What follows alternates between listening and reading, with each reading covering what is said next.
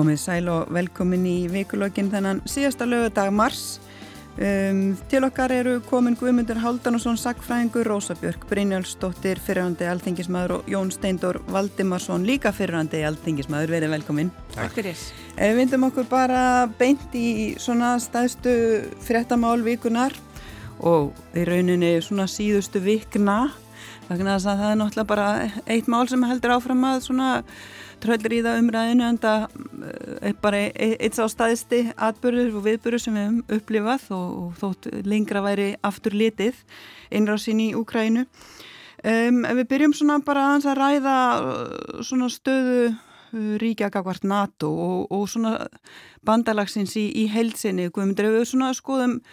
söguna og förum aðeins svona í það hvernig sko NATO er að, er að koma út úr þessum átökum sem eru núna það hefur verið svona undarfærin ár, svona ekki alveg eins mikil samstóða um NATO eins og við erum að sjá mm. núna og höfum áður séð um, þetta hefði geta farið á, á hinvegin að NATO mm. hefði alveg geta sko brúðist í því að sína þarna samstöðu gegn þessari, þessari ógn sem rúsar eru og, og, og þessum stöðningi sem að uh, Úkrænumenn eru að fá þó svo að þeir vilja fá meiri stöðning Hva, hvað er það sem að gerir það verkum að NATO nær þarna standa saman? Já, það sem auðvitað skiptir höfumáli þarna er það að, að bandarækjafórstiti e, núverandi hefur annað, aðra skoðun á NATO heldur en e, síðasti bandarækjafórstiti þannig að ef að, ef að Trump hefði verið fórstiti bandarækjan núna þá hefðu við byrjum sjálfstörið einhver önnur. E, og e, það er ljóst að, að bandarækjafönnu sem að sem að stýra NATO, ég meina það eru er lang sterkasta hernaveldi þar, að eh, þeir hafa ákveðið að, að fylgja e, liði og það er, það er greinlegt til dæmis að, að, að hérna, strategían hjá þeim hefur verið svo að láta Evrópu þjóðurnar hafa svona meira, eh, meira vægi út af við heldur en, heldur en kannski ofta áður. E, og það er er meðvitu strategíja vegna þess að þetta snertir Evrópu þjóðunum miklu meira heldur en, en bandarækjumenn beinlinis en líka það að, að, að það um leið svona, svona gerir það verkum að, að Evropaþjóðunar eru kannski viljuri að taka þátt í þessu heldur ef, ef þeim bara skipa fyrir frá Washington. Já og svo eru núna mitt eh, svona þjóður eins og Póland fá miklu meira vægi umræðinu, ja. kannski vegna nálegarinnar við Úkrænu, vegna þeirra eh, sko þessum mikla fjölda flótamanna sem að þar er að koma inn sjá núna er bætin að fara í heimsókn mm. til uh, Pólans og eini Evrópu leiðtói sem hann hittir einn, fyrir utan það hitta hérna saman á, á þessum uh, leiðtói fundum, mm. er uh, fórseti Pólans, þannig að setur ákveðin fókus á Póland og, og gefur því ákveði vægi. Já, já, það, það eru dögljóst að, að, að Póland líkir hlutverk í þessum svona viðbröðum við þessu stríði, þeir eru auðvitað líkjað Úkrænu og þá líkur megin ströymur flottamannina og flottamennir menn hafa óttast að, eða tala um það að það myndi vera flottamann strömmun um alla Európu en, en það er alveg greint að flottamennin vilja snóða tilbaka, þetta er ekki sínu, þeir eru ekki að fara flýja Úkarínu vegna þess að vilja flýja Úkarínu heldur vegna þeirra aðstæðan sem það eru. En það sem er þetta aðteglisvert við þetta er að, að, að Póland hafi verið semst, innan Európusambandsins komin í svona daldi skrýntastöðu vegna þess að stjórnvöld í Pólandi eru svona já, sumir segja semifasísk og, og, hérna, og, eh, og það er svona sett og hérna bætin hafði svo sem ekki talað sérstaklega vel um þau og bandrækstöðuna ekkert verið mjög svona eh, hlið Pólandi en núna er það einhvern veginn eh, glemt og grafið að muskust í bíli þannig við sjáum til. Það er, það er, það er greinlegt að, að pólverðar allir sér að nota sér ef og allir sér nota, ég meina þeim er, það er alveg augljóst að, að, að þetta brennum hjá þeim. Og og e, það hefur nú stundu sagt að, að pólverjar síðan nú kannski eins og ungarar e, hafi nú ekki verið svona sérstaklega fylgjandi þessum svona demokratísku gildum sem að menn segast verið að verja í, í, hérna, í þessu stríði gegn rúsum en þeir hafði verið mjög harður mútið rúsum og, og það er alveg gamal gróið í Pólandi, mjög mikil tortrykning akkvært Úslandi og, og þannig að það er svolítið öðru til þessi ungarandi, Orbán hefur verið mjög svona Eh, vera að dadra við, við Pútin í gengum tíðina en það hafa pólverir ekki gert og það, er, og það byggir á svona e, fornum fjandskap sem að, sem að hérna, vegna þess að þeir auðvitað hafa orðið fyrir barðinu svo marg ofta á, á fyrir árusum en, en það er svo sem að ungara líka. Mm. En ef við horfum á svona breytt viðþorf gagvart NATO eins og í, í Finnlandi og Svíþjóð mm. um, þeir hafa valið hinga til að standa fyrir utan NATO og taka ekki það þátt í bandalæinu bara með ákveðið samkomla við rúsað meti það sem svo að ógninn af rúsum sé meiri farið er inn í NATO mm. heldur en standið er utan þess en nú er það að breytast já, já. Um, hver er svona helsta skýringin önnur en svo en þeir eru þarna náttúrulega bara að sjá það að rússar, þeim er ekki treystandi þeir hafa náttúrulega gert samkumla við úkrænumenn sem að þeir eru að brjóta uh, rúmlega ja. það og, og bara til alls líklegir er, er það helsta ástæðan? Já sko, við mátt okkur á því að, að það er óttalega um það að, að NATO hafi verið að þennja sig, verið, það, þetta fyrst og næst hefur þetta snúist um það að, að ríkin sem eru nálagt, nýfrálsríkin sem eru nálagt Rúslandi, þeir eru alveg döð hrætt við Rúsland og þeir ganga í NATO til þess að verja sig og, og, hérna, og sjá það sem vörn og það var, enda var ráðist inn í Úkræni sem ekki er í NATO. Og þessi tilfinning er sjálfsagt mjög sterk líka í, í Finnlandi og Svíð en, en sem sagt rétt fyrir setni heimstyrjald þá, þá komu öll Norrlandi saman og gáðu út yfirlýsingu 1938 um það um sitt ævarandi hlutleysi. Og, og þetta ævarandi hlutleysi endist nú ekki lengi því að, því að tveimur ánum síðar var, var, voru þrjú þessara landa eh, ráðust inn í þrjú, já fjór þessar landa finnandi þetta líka. Mm. eh, og en Svíþjóð helt í þetta ævarandi hlutleysi og hafa, hafa haldið því áfram en það er svo einkilegt að varnar bissunar þeirra snýrust allar til östus þannig að það er alveg ljóst að og þeir unnum ég náum í NATO þannig að þeir, þeir töldu sér alltaf vera á einhvern nátt uh, undir vendavæng NATO ef að rúsar hefðu, hefðu hérna ráðist inn. En það sem að maður átt að segja á því að, að, að kaldastriði var stab, stabílt tímabil hvað, hvað Evropu var það, það rúsa reyðust inn í Ungarland og þeir reyðust inn í, í, í Tjekkosláki og bandarækjum skiptur ekki að því og NATO skiptur ekki að því þannig að menn virtu þessar, þessar línur en, en menn treysta ekki Putin til að gera það og þessuna, þannig, það er svona meira óútreiknalegt og þessuna held ég að, ymsir í bæði Finnland og Svíþjóð eru núna að segja já við þurfum að, að stíga þetta skræti fulls, við þurfum að þá að komast undir þessa, undir þessa, þessa reglíf og þessa varna, varnareglíf NATO. En einnig þá auðvitað að lýsa því yfir að, að, að þeir styðji þá það, það sem að NATO stendur fyrir sem er, að, er þá að hvað sem að menn segja um NATO. NATO er nefnilega varnabandalega það er eins og ekki allar þjóðunar sem er inn í NATO sem eru, eru eru hernað þjóðar þar inn í Þannig að það er mjög sjaldan sem að, sem að NATO fer í, fer í stríð og Úkræna er ekki sækja um að gangi NATO til þess að ráðast á Rúsland. Þeir eru að ganga inn til þess að verja sig á Rúsland. Mm. En, en, en eins og eins og segi, vandarguminn hafa nú ekki verið sérstaklega friðsum þjóði gegnum tíðina þannig að, að, hérna, þannig að það þýðir það ekki að alla þjóðunar í NATO séu mjög friðsamlegar. En En svo eru við sjá breyta stefnu í varnar og hernaðarmálum eins og hjá ríkjum eins og Þýskaland. Já, það náttúrulega spilar inn í þetta allt saman. Já, það er þetta mjög aðtilsvett að sjá sko að, að bandarækjafostur alveg frá Karter og kannski lengur aftur hafa verið að berjast fyrir því að, að, að Európa-þjóðarna leggji meira e, fjö í, í, í, í sínar varnir og, og, og þegar Trump segir að hann leita á þetta sem, sem, sem hérna, framlæti í NATO, þetta er ekki framlæti í NATO, þetta er framlæti hernaðar e, hverja þjóða fyrir sig þjóðverðar þetta frá stríslokum það var nú, svona, það var nú, það var nú ekki svona kannski endilega, þetta hljóma svona svolítið einkynlega núna þegar, að hvetja Japani og, og hérna, þjóðverðar til að herfaðast, það er svona í sögulegu ljósi þannig að, þannig að en þessar nýjustu nýjustu aðgerðir rúsa gera það verkum að, að, að Putin er að takast það sem Trump tókst ekki að fá erfum þjóðunar og, og sérstaklega Þískaland til þess að auka mjög útgjöld sín til hernaðmála. Rósa, hvað svona í þínum huga, svona fyrirhandi Vafgi þingmaður og, og komandi úr, úr þeim grunni, hvernig horfur þetta við þér, svona bara nýstaða NATO, nýstaða uh, fríðar og ófríðar í Evrópu, um, hefur þetta breytt þínum við, þorfum gagvart þessu varnar bandalagi eða er, bara, er bara heimsmyndin breytt? Heimsmyndin er vissulega breytt og þessir atbyrju sem við erum að upplega núna á síðasta mánu eru náttúrulega skelvilegi með öllu en En það er líka, hefur verið, hvað ég segja, það er mjög afdráttalauðs uh, krafa úkrænumanna, hefur verið mjög hernaðar drifin, það hefur verið mjög mikið ákallum að, að, sko, að, að NATO stýði inn í að hérna, verja lofthelgi Úgrænu. NATO hefur sem betur fer haldið aftur að sér í gagvar þeirri kröfu þó svo að NATO-ríkin hafi e, stutt við með óbeinum hætti eins og við erum að sjá með Þýskaland sem gera algjör á kúvendingu á sinu utrækistefnu með því að, að, að taka stefnubreitingunum það að veita hernar stöðningi með flutningi á vopnum til annars lands og ég hef hlust á upptökur af atkvæðagreysli eða tilkynningu eða ákverðun uh, kanslari Þískalands og það voru andkvæð út um allt tíngúsið Þíska þegar, þegar að, að uh, svo ákverðum var tilkynnt en það er bara um greiðlega stóran hlut að ræða.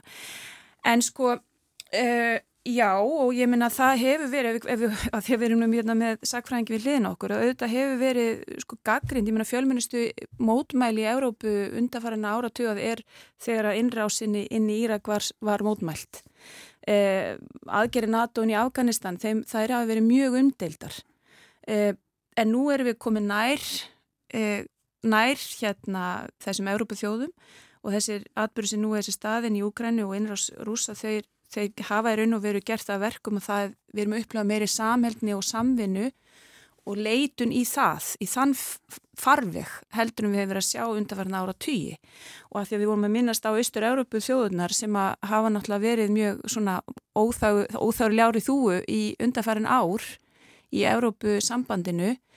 að það er einhvern veginn bara skellaði lása sig, herri við erum hluti á ESB, við erum hluti á NATO og við erum bara ekkert með neitt vissin eða vandræði, við viljum bara vera hluti af þessari samvinnu og þessu, þessu bandalegi. Eða að þú ert að spyrja um einhverja endurskoða afstöðu ég, nei, ég raun og veru ekki ég er náttúrulega, maður vil sjá þetta friðsanlega lausnir á svona svona atbyrðum en það virðist ekki hafa náðst hinga til, það hafa verið ótilegandi fundir með Putin þar sem að euróskýr og vestrænir leiðtóður hafa farið hans fund og reynd að tala um honum. Og ég held að eh, Fraklandsvostið hafi átt sko sjöf fundi með honum. Mm og svo síðusti stóði yfir í 6 klukkustundir og það var ekki hægt að tjónka neitt við hann. Og það sem kom út af þeim fundi var raun og veru að það var verið að eiga við næst sko halv gegjaðan mann. En það er ekki heldur hægt að, að hérna að horfa sko þessi innrás Pútins og, og herja Rúslands, hún snýst líka um innrás á Evróskildi sem hafa verið grunnurinn að fjölþjóðastofnunum frá lokum heimstýraldreinar. Það er í raun og veru innrás á opin e, opið líraðisríki og gildin sem að því fylgja og svo hérna þannig að þessi, svona, þessi undirbygging á þessari innrás, hún hefur átt sér stað nokkuð lengi af halvu rúsnarska stjórnvalda og við sáum líka til að mynda þennan sorglega atbyrð þegar að, að e, Rúsland er vikið úr Európaráðinu eitt stærsta og fjölmennasta ríki Európaráðsins hversu sorgli það er fyrir, fyrir íbúa Rúslands líka að vera ekki þá hluti af því, því kerfi eða þá ekki aðild að mannreindóstölu Európu. Þannig að það er svo margt í gangi á, á stuttum tíma að það við erum svona ennþá bara að reyna átt okkur á nýjum veruleika. En, en líka sko það er líka mjög áhugavert að sjá að það eru, það eru nánast öll vestranríki að endur skoða sína auðarikistefnu og sína öryggis- og varnastefnu á mjög stuttum tíma og þó maður hafi verið svona halda í vonu að fólk sko hérna andaðins í kviðin og, og, og hérna taki yfir ákaranir. Mér fannst til að mynda, ég verða að játa, ég, mér fannst sko dansk stjórnvöld fara ansið geist af stað þegar þau eru í raun og verið að kúvenda og, og endur sko að sína öryggjus og varnamálastefnu og fara til grænlands til að mynda í þeim efnum en, en hérna það er raun og að öll vestran ríki að gera þetta eh, nema kannski Ísland. En ég minna, þú, þú talar um að, að auðvitað viljiru hérna friðsalar lausnir, friðsamar lausnir á hlutunum, en vilja það ekki allir? Er það ekki bara einhver útópi á orðin í dag? Gætur hugsaður Ísland utan NATO í þessari heimsmenn sem við erum að horfa upp á núna? Sko, við erum líka alveg að horfast fara, sko, við erum líka eins og segir, við erum líka að svissa eðans yfir í realpolitíkina eins og þjóður að gerði núna hérna fyrir nokkru vikum. E, við getum líka hosti auðvið við þá staðrind sem að blasi við okkur íslendingum að ef að við værum ekki þáttakandur í NATO þá ættum við hverki sætið við borðið. Eða því við erum ekki í ESB og við erum þar með okkar, okkar aðvildan NATO og þá erum við allavega inn í herbygjum þar sem við erum að taka ákvarðanar og það er verið að, að við erum hluti af þessari, þessari hérna, þessum fundum. Þannig við getum líka spurt okkur býtu, er það, er það ekki æskilegra heldur en að vera fyrir utan og vera í raun og vera áhörandi að, að atbyrjun sem er á þessum skala sem við erum að horfa upp á í dag? Mundir þá að segja stefna af afgi að, að, að vera standa utan NATO sé þá í rauninni úreld? Ég myndi nú ekki segja að hún væri úrælt en ég held að Vafki þurfi eh, hafi þurft á undirfjörnum málum að endur skoða síðan að afstöðu til utaríkismála og ég talaði fyrir því sem þingmaður Vafki á sínu tíma líka eh, þannig að það þarf að endurlíja líka sko sína afstöðu, alveg svo aðri flokkar þurfa að gera það, sjálfstæðisflokkurinn það líka að gera það gagvart þinn aukin Európusamfinu mm -hmm. eins og formaðurinn talaði um að hann væri mótið því að spurja þjóðina álits á, á því að taka aftur upp yfirraðið við Európusambandið en bætti við en við þurfum samt að ebla evróska saminu. Hvernig hann sér það fyrir sér? Hef ég ekki séð undanfæri nár og hef ekki séð heldur núna undanfæri. Þannig að við, þurfum, við býðum spennt. Jón Steindur, við höfum séð svona viðhorf Íslandinga núna breytast töluvert í kjölfara þessara breyttu hérna svona heimsmyndar, við, við orðum bara þannig. Eh, nú er svona um það byrj helmingur sem er meira heldur en við höfum séð mörg undanfæri nár sem er lindur því að, að allavega minnstakosti skoða aðild að Európusambandinu. Þetta er nú eitt að helsta baratum á þýnsflokks en Um, ertu með skýringu á því hvers vegna þetta er að gerast núna? Þið settu þetta ekki sérstaklega stert fram fyrir kostningar það e, e, augljóslega mátu það þannig að það væri ekki svona bara plás fyrir það í umræðinu þá eða ekki áhuga á þeirru umræðu Um, hvað hefur breyst í hugum fólks? Er það að sjá þarna þessu aukna samvinnu sem, sem svona kannski eitthvað sem við viljum verða hluti af og eins og Rósa talar um, komast að borðinu til að eiga uh, möguleika þátt í samtalenu. Hvernig metur þessa breytingu? Já, ég held að sko það sé eða að segja, mjög eðlilegt viðbrað þegar að fólk sér þessa atbyrði gerast svona á bæjarhlaðinu eh, hjá okkur og, og Evrópu þjóðunum að, að fólki, þetta í fyrsta lagi bregður mjög í brún við þetta, þetta er eitthvað sem er mjög óvænt og ég held að þetta leiði huga fólks mjög að þessum kjarnagildum sem að, sem að eh, Evrópu þjóðunar hafa verið að saminast um. Og ég held að menn upplifi það að það sé þetta er ekki bara sagt, stríðum um, um yfiráði yfir landi, heldur er þetta, eins og Rósa kom inn á, þetta er stríð um gildi sem að flestar Európa-þjóðunar hafa viljað saminast um. Þannig að fólk, ég held að fólk skinni þessar ógnir. Við höfum talað um Európusambands aðild Íslands mjög alltaf undir formerkjum efnahagslegs ávinnings Íslendinga. Mm og það hefur eiginlega verið upphaf og endir þeirrar umræðu. Við erum að, að, að deilum það hvort að, að tollara síldarflokkum eða, eða þorski, hvað áhrif það hafi á hag okkar. Við höfum verið að tala um euro og krónu og hvaða áhrif það hafi, mm -hmm. en við höfum svona skilið svolítið eftir hinn stóru gildi Evrópu samvinnunar. Og nú held ég að þau séu bara að svona renna svolítið upp fyrir fólki um hvað þetta snýst. Mm. Það er mjög gætna að talað um sko, að uh, þetta á endanum snúist bara um lífskjör og þetta skipta lífskjör gríðarlega miklu máli, auðvitað, en hvers virði eru lífskjörin ef að, ef að friðurinn er úti, ef mannréttindin er í burtu, þá er, eru lífskjörin ekki upphaf og endir alls og ég held að þetta sé það sem fólk er að, að átta sig á. Og þess vegna uh, sé þessi, uh, þessi breyting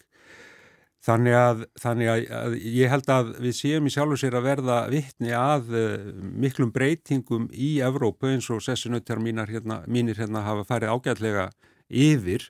Heimsmyndin er að breytast og við Íslendingar hljótum að, að bregðast við því og þar á meðal er þetta að, að taka fullan þátt í þessari samvinnu með aðild að Evrópusambandinu. Ég er nú búin að hérna, vera stöytæð þessum Evrópumálum ansi lengi og,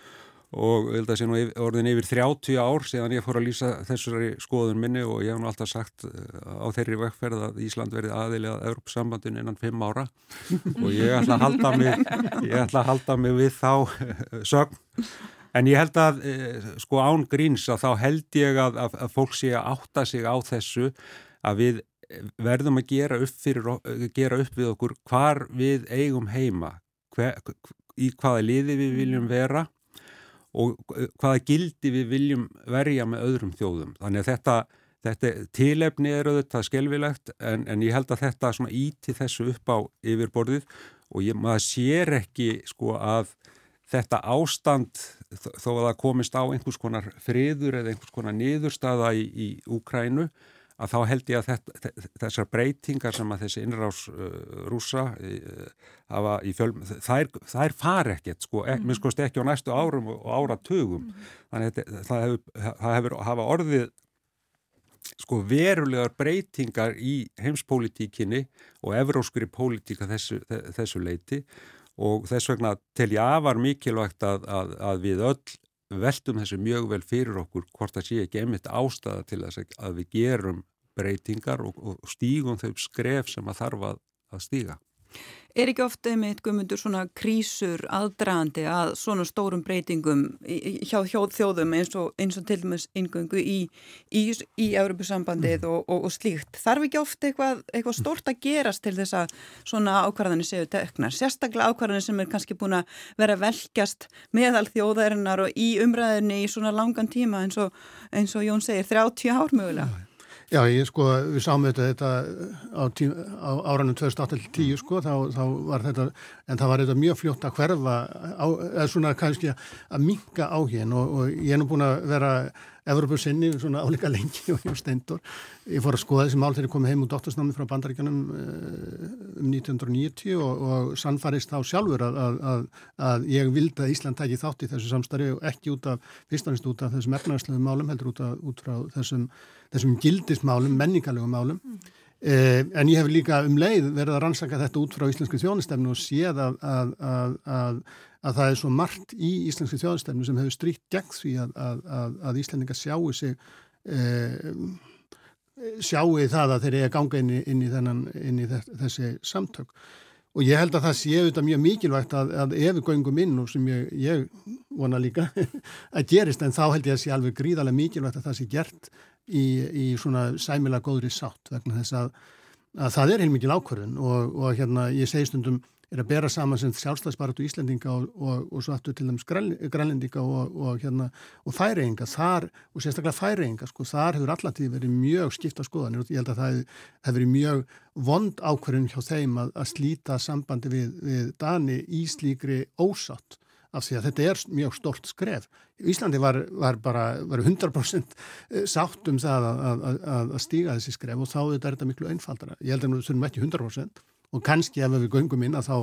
myndist sáttin smám saman að því það var nú ekki óskaplu spenningur hvort í Danmörkunni Svíþjóð en ég held að það sé það mm. núna fáum sem, eða ekki mörgum sem dettur huga að, að vilja ganga út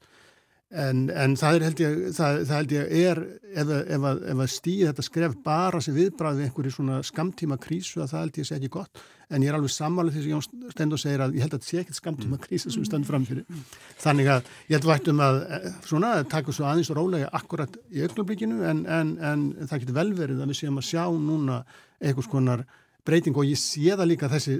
þessi, þessi, þessi hugmyndum sjálfstæði Íslands, ég held að hún sé líka að breytast mjög mikið, ég held að mm. yngra fólk hefur bara aðrar hugmyndur um þetta heldur en, heldur en mín kynnslað hafði og, og það sem ég hef verið að segja fyrir kannski ég var að segja fyrir, fyrir 20 árum að það mörguleiti gildir ekkit lengur um, um, um hérna svona stöðu Íslands í heiminu vegna þess að bara hún er að Ég meina á Íslandi búa núna eru hvað, 15% um Íslandinga eru, eru inflytindur, ég meina þetta, mm. þetta breytir alveg gríðarlega miklu um, um þá bara hvernig, hvernig fólk hugsaður um stöðu landsins í, í hérna heiminum. Og ég, eins og að segja að það eru þetta tími núna til þess að taka þess endurskoðu afstöðu og, og,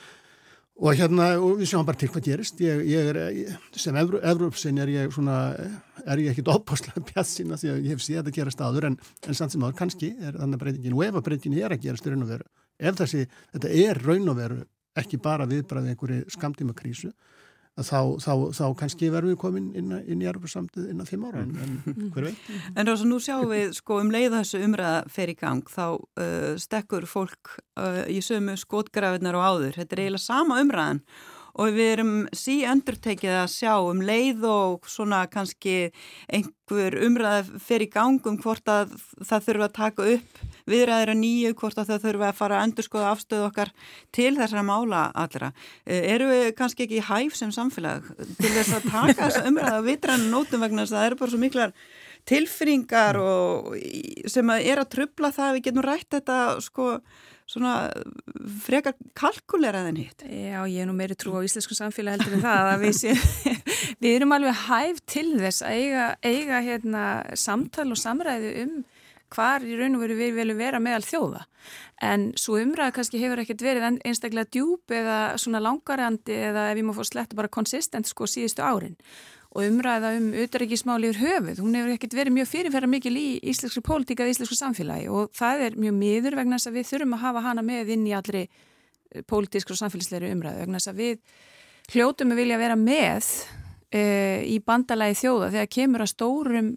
viðfangsefnum eins og við erum og höfum verið að upplega undarförnu. Það er heimsfaraldur, það sem að samvinna þjóða hefur skipt sköpum með því hvernig við höfum verið að glíma við heimsfaraldurinn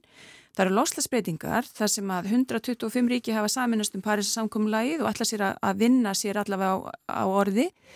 vinna sameila hjátt að þeim markmiðum. Uh, við erum líka að sjá uh, í flótamannamálinn sem eru mikil og umfánsmikil og þar til dæmis reynir mjög mikið á alþjóða samvinnu og samstöðu til þess að taka afstöð til þeirra mála og þar viljum við sannlega vera með eða hvað. Þannig að ég, hérna, sko, mér finnst mjög æskilegt svona rými og tækifæri núna til þess að kanna þjóða vilja við þar aðstæður sem núna ríkja í Evrópu, hver þjóðarviljin er en aðdraðandina því eins og Guðmundur kannski segja þarf að vera smá svona, svona þó nokkur og, og hérna þingsaldun til að þryggja flokka á þingi er, er vantalega liður í því. Það eru þrýr flokkar sem eru hlindir aðild að Európusambandinu sem er leggja fram þá þingsaldun til um að, að kann að vera þjóða vilji e, vantalega í aðdraðandunum að því myndi þurfa að eiga þessi stað umræða meðal þjóðurinn og í samfélaginu um um þessa samvinn okkar og, og, og afstöðu þjóðarinnar til þess að vera inn í Európu-sambandinu. Nú verður bent á það að hafi svona um,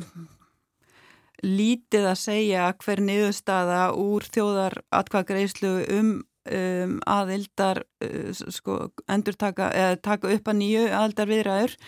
ef að það er ekki þingmeiri luti fyrir því að gera það. Finnst ykkur þetta rauk sem haldi eða er þetta bara svona kannski ein leið til þess að drepa málið uh, næstu fjögur árin. Mm. Ef að ég má hérna þá,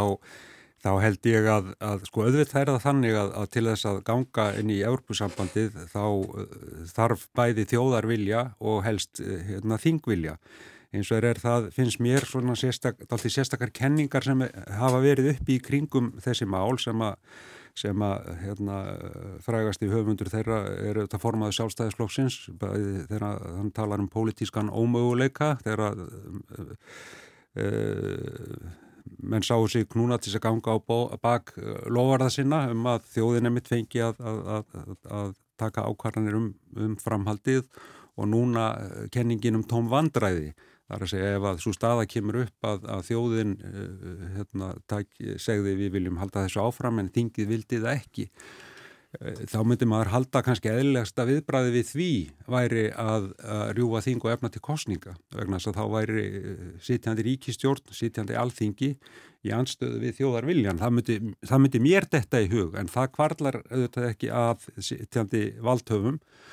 Þannig að, þannig að þetta er auðvitað eh, nokkuð erfitt en mér langar aðeins líka til að sko tala eða benda á það að sko að hérna það skiptir líka miklu máli sko hagsmuna, hagsmunir og völd. Og það er auðvitað þannig að á endanum þá eru hagsmunaöfl sem ráða gríðarlega miklu í okkar samfélagi. Mm og, og staða eh, hagsmunnaafla sem tengjast sjáarauðlindinni hefur vaksið og styrst alveg gríðarlega og það, það er eiginlega fæst okkar sem gerum okkur grein fyrir því hversu gríðarleg ítök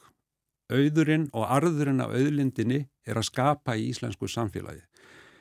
Það er kannski stort upp í sér tekið en við tölum gætnan um ólíkarka. Sko við eigum okkar ólíkarka sem eru að sísla með okkar auðlind það er þannig og þeir eru komnir út um allt með sín völd og áhrif. Og það er bara þannig að það er þeirra stöðumat að það ógni þeirra völdum og áhrifum að ganga lengra. Og þeir hafa þannig verkværi og ítökja okkar samfélagi að þeir geta gengið mjög langt í því að verjast þessa hagsmunni og það er það sem er að gerast. Talandi um sko hvað þjóðin vil og hvað þjóðin vil ekki og áhrif stjórnmálanna þá er manni auðvitað líka minnistætt akkurat í þessu samhengi hvernig Evrópustefna sjálfstæðisflokksins breyttist með því að einn maður stóð upp á landsfundi eða landstingi þess flokks og reif í sundur skíslu bæði held ég bóstaflega og, og, og, og efnislega stóð upp og salurinn hikandi í fyrstu stóð upp og klappaði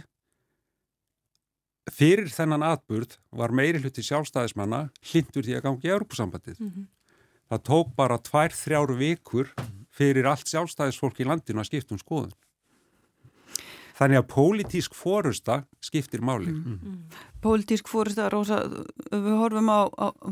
við veitum hver afstæða uh, samfélkingarinnar er, en við horfum á þinn gamla flokk Vafki, það sem þú varst nú lengst af, mm. uh, heldur að sé einhver uh, svona áhugi þar að, að endur skoða afstöðu flokksins til aðeildar að Európa-sambandinu? Já, ég held að það sé nú alveg áhuga með bæði flokksfélag og líka stuðnismanna Vafki. Mm. Uh, það var gerð skoðanakonum fyrir nokkuð mörgum árum síðan sem síndi að mér hluti mm. hérna, stuðnismanna Vafki var hlindur því að ganga inn í Európa-sambandi. Þannig að það eru margir Európa-sinnar innan, innbæði innan Vafki og sömulegði stiðjandi við Vafki. E, þannig ég held að það sé, það sé, það sé grundöldu fyrir því. En sko það er líka ef að það er anstæði við það að kann að þjóðar vilja þá verður að koma fram með eitthvað annað plan.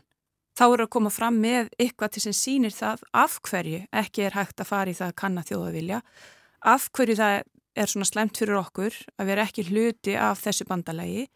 Við erum með annan fótinn inn í Európusambandinu. Við erum að taka inn innleðingar og á hverjum, nánast okkur með einsta degin á þingi en við höfum aldrei, við höfum ekki aðstöðs að hafa áhrif á það inn í Brussel og það höfum við talað um í íslensku samfélagi frá því að Haldur Áskinsson var formaður framsunarflóksins sem ætlaði sér aldrei að,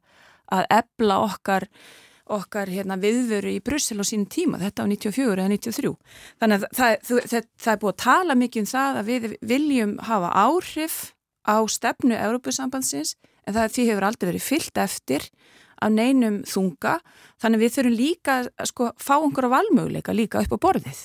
Hvernig ætlum við þá að gera hlutina þegar það er svo marg háttu tækifæri í aukin Európusamvinnu og við sem sjálfstætt fullvalda ríki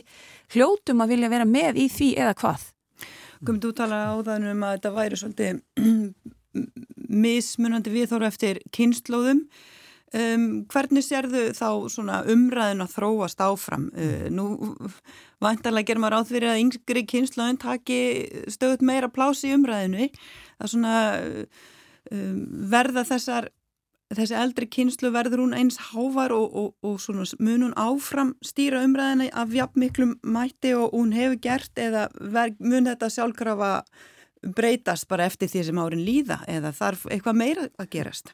Já, ég held að ég sjálfur sér í þessu máli, þetta er, er svona klassíst mál sko, sem, að, að sýnir sko, hvernig heimurinn er skiptur, þetta er, við sjáum þetta ganga í gegnum öll lönd, vesturlönd sko, að, að, að þeir sem hafa meiri mentunur til hlindari Európa-samfélagsaðild, þeir sem eru hérna búa í höfuborgarsvæðinu hérna, þeir búa í þjettbíli, er yfirleitt hlindari, hlindari, Eh, en síðan er það svona, þetta er svona mjög svipað eins og, eins og, eins og Brexit sko, að, að hérna þessa línur. Eh, og, og það, sko, ég held að þannig að líka á bakvið mjög svona eh, djúpar, djúpar sagt, svona tilfinningar sko, sem að sem en eiga einhvern veginn erfitt með að, að, að losa sig við eða, eða koma upp úr hjólförum. Og og sko Ísland er í Evrópusambandinu en er það ekki? Að, að við höfum sannfart sjálfum við séum ekki í því en samt erum við í því og, og mér, finnst það, mér finnst þetta sko rumlega, mér alltaf finnst þetta hálf skammarnett sko að, að hérna að fyrst að við tókum þetta skrefa gangu í ES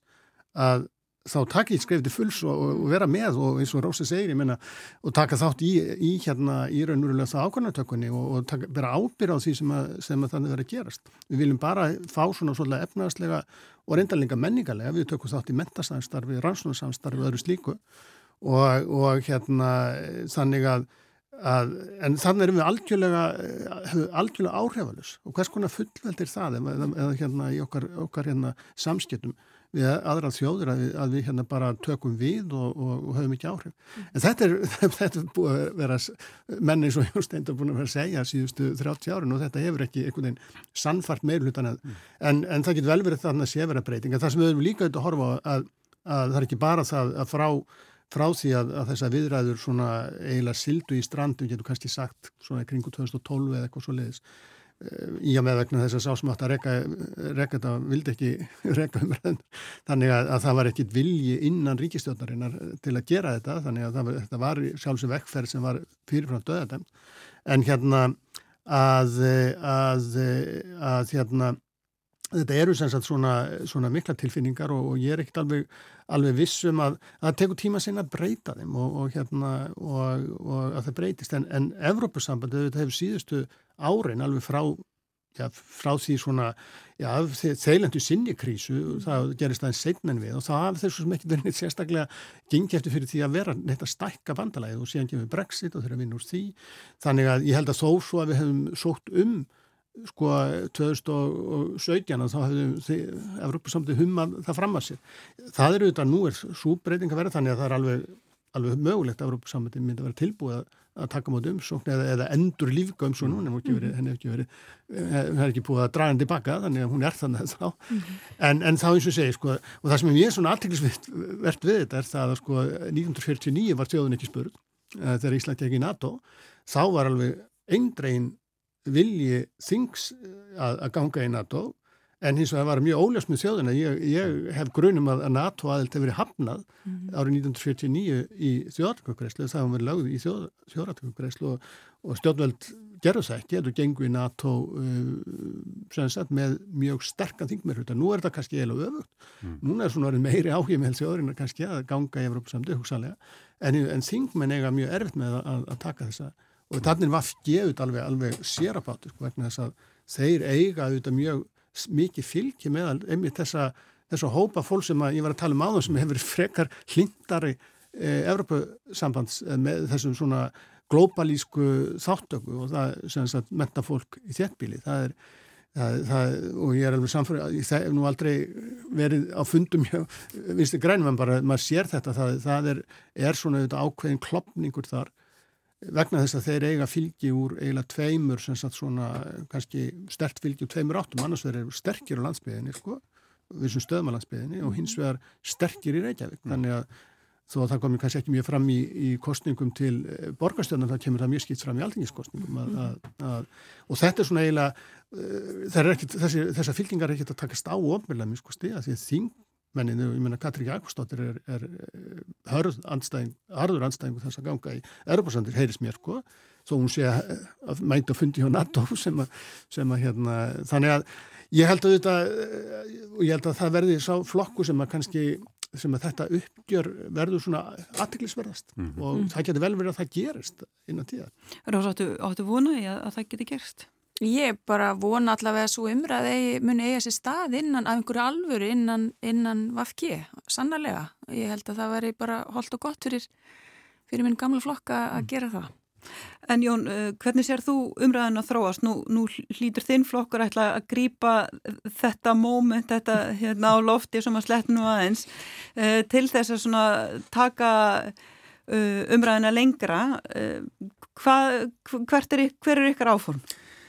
Já, nú er maður náttúrulega svona komin aðeins á hlýðalínuna í blessari pólitíkinni, það fylgir því, nú þegar maður dettur út af þingi en eh, að vissulega er ég í samtölu við mitt fólk en ég hef nú samt sko verið að tala bara meira við, við alls konar fólk mm -hmm. og, og hérna,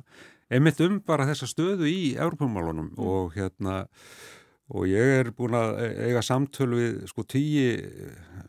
hverna á kalla um þetta og, og mér sínist að það sé mikill áhugi á því að, að svona setja þessa Evrópu umræðu í svona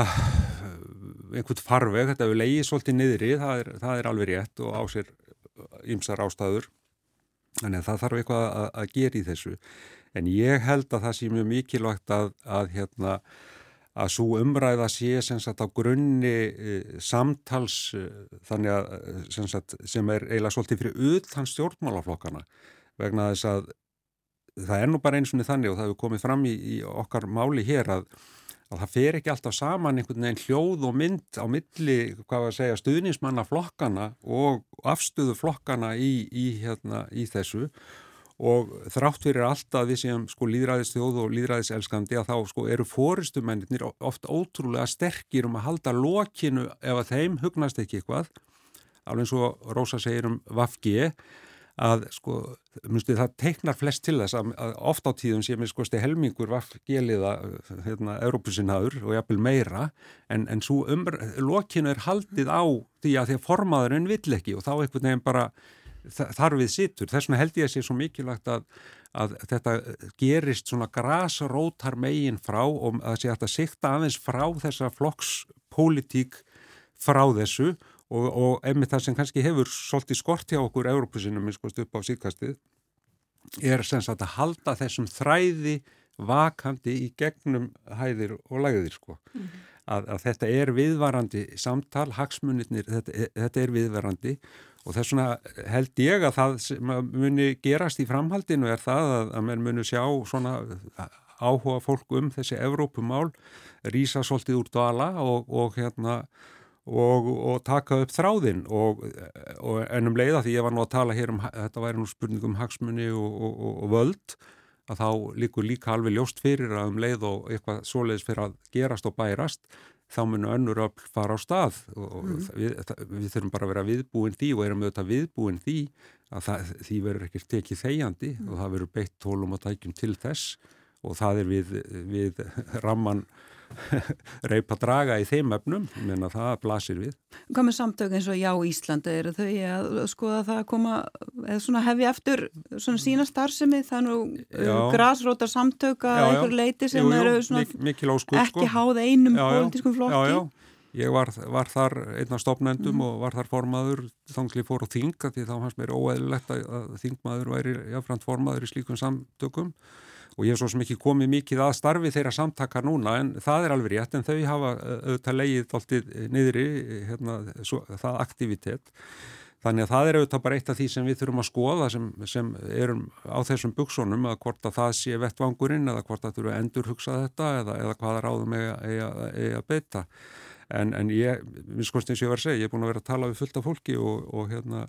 Mér finnst áhugin mjög mikill mm. á þessu og ég er alveg viss um það að, að hérna, þetta mun fara á stað og, en ég held bara eins og ég segja aftur sko að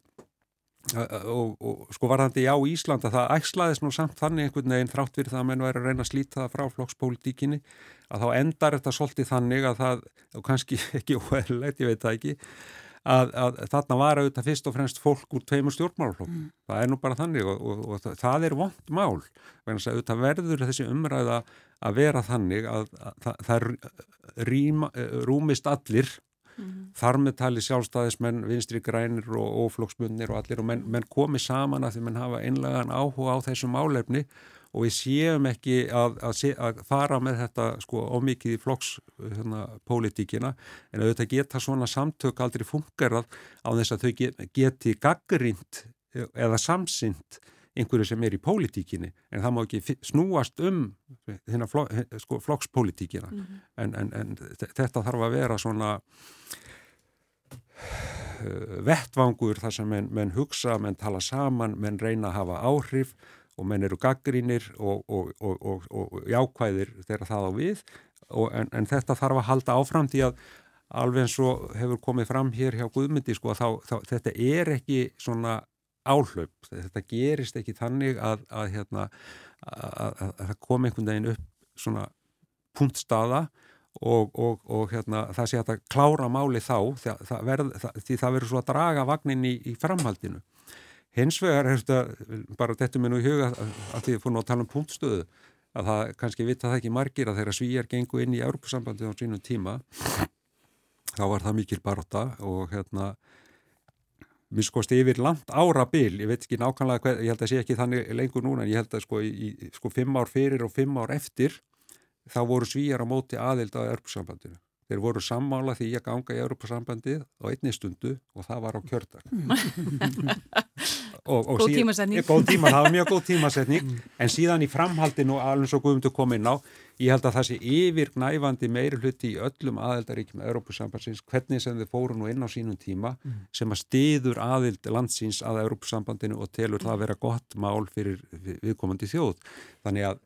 reynslan virðist minnstakosti sannfæra fólkum að, að þetta kannski, sé staðurinn að vera á. Já, en það má kannski líka að við má grípa henni bólta lofti, ég meina auðvitað, þú veist, hérna gengum maður ekki inn og svo bara hættum maður að tala um það, ég meina auðvitað er það bara heilbritt merki á líraðisríki að, að það sé áframhaldandi umræða um kost og galla eða hvernig við getum beitt okkur eða, eða ekki eða hvað, sko.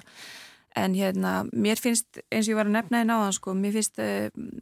bara lofslagsmálinn til að mynda því þú ert, mm. ert aðeins að koma hérna inn á það hvernig þessar yngri kynnslóður sem eru nú allavega svona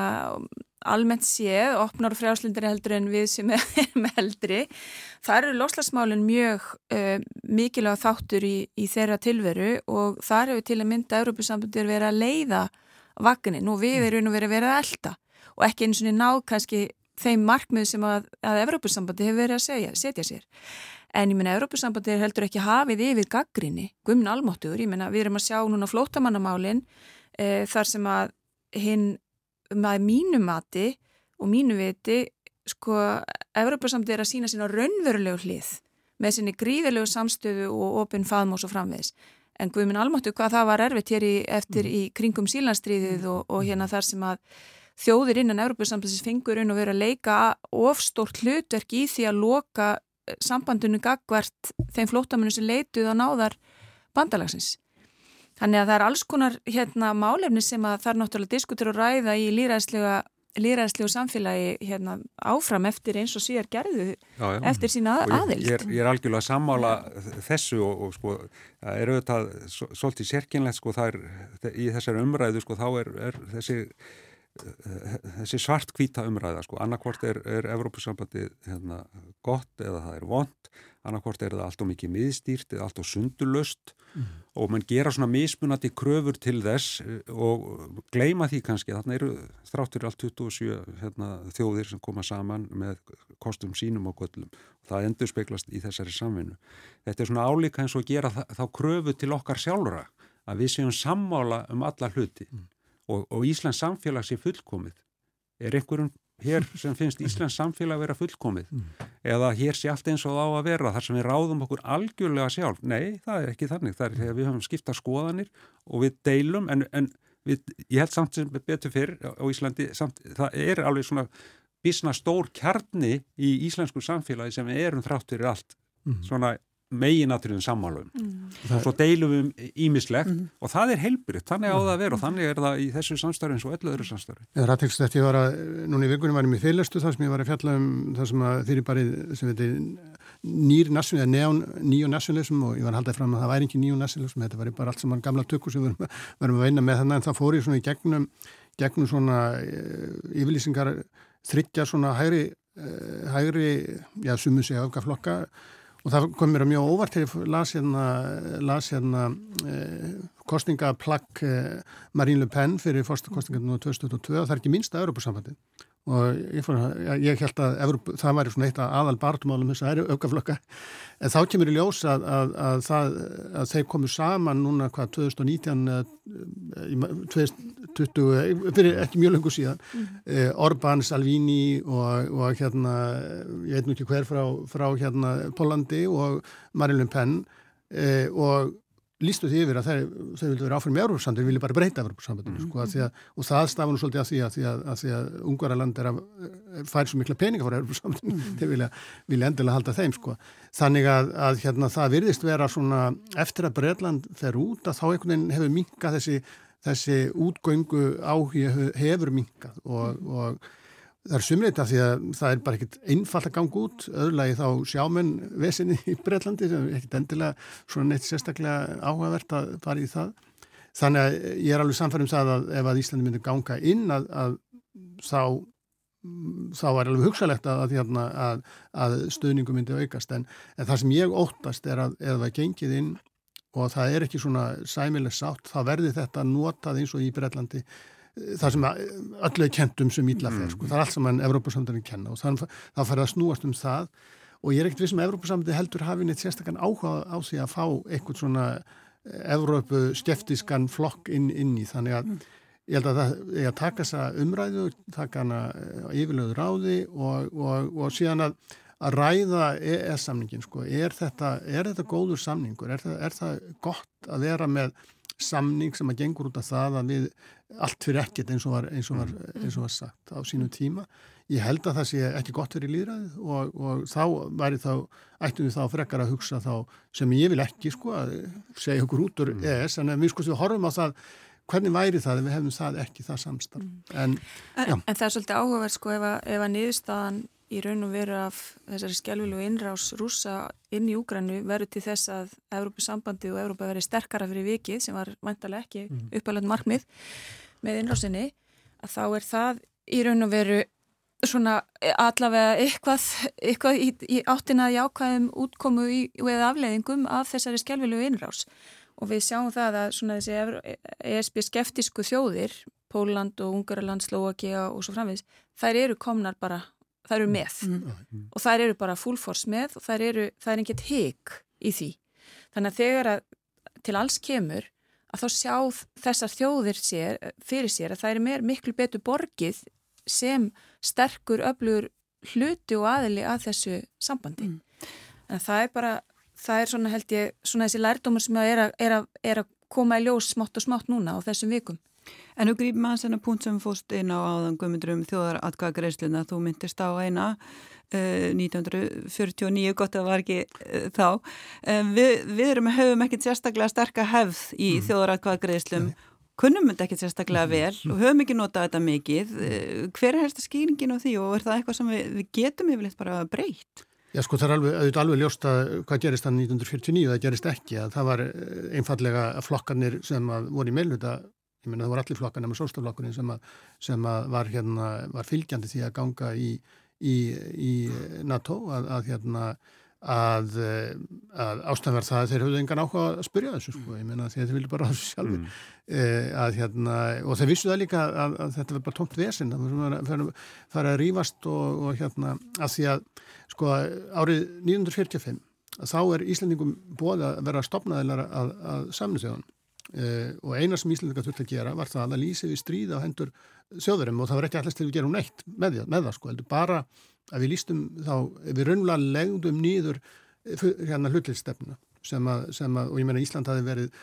tekið sko stóran þátt í, í sér heimsturöldinni sko með því að leggja til land.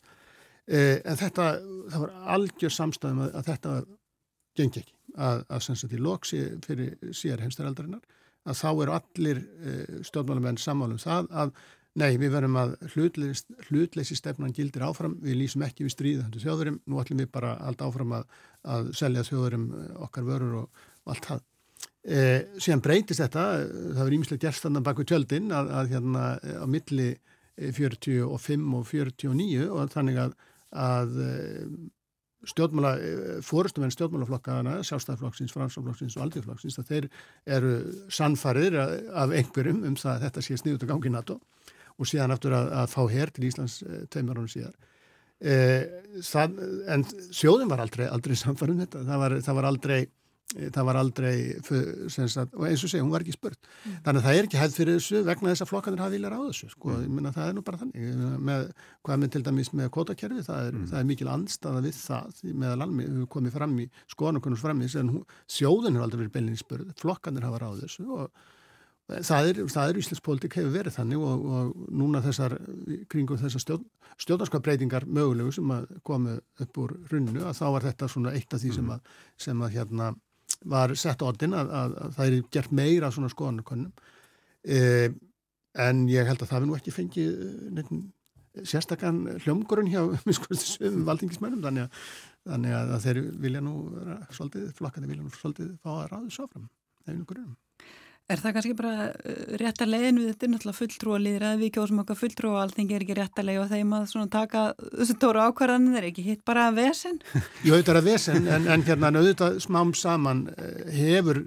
hefur vilji þjóðarinn áhrif að, að ég meina þó að flokksfórustan ráði og þing með ráði svo þingi þá vonandi þá höfum við einhver áhrif gegnum, mm. gegnum kostingar, gegnum flokksfundi og annars líka. Já og svo verðum við líka að vera tilbúin til þess að hlusta á þegar að, að ytri aðstæði breytast svo skart og svo mikið eins og við erum að upplega núna. Þá hljótu við vera líka tilbúin til þess og þóra í raun og veru að taka þá umræðina og taka þá hérna setjast nýður og ræða, heyrðu hvað er það, er eitthvað sem við þurfum að endur skoða? Ef svo er, hvað þá? eða þurfum við kannski bara að kanna þjóðar vilja í ákveðnum málum. Við, við, við meðum ekki heldur vera hrætt við það sko. Mm. Því það er líka partur af því að, að hérna, stýra landinu vel, að það er líka að, að, hérna, að bera undir þjóðina ef að aðstæður breytast svo skart og mikið eins og það er að gera núna. Ég held að við verðum að láta þetta verða loka orðinni í dag við höfum getað að tala um þetta í allan dag held ég. Guðmundur Haldarsson Sakfræðingur, Rósa Björk Brynjólfsdóttir, fyrirhandi alþingismadur og Jón Steindor Valdimarsson, fyrirhandi alþingismadur líka. Takk fyrir komuna. Takk, takk fyrir. Það er gott um helgina. Takk, takk, takk.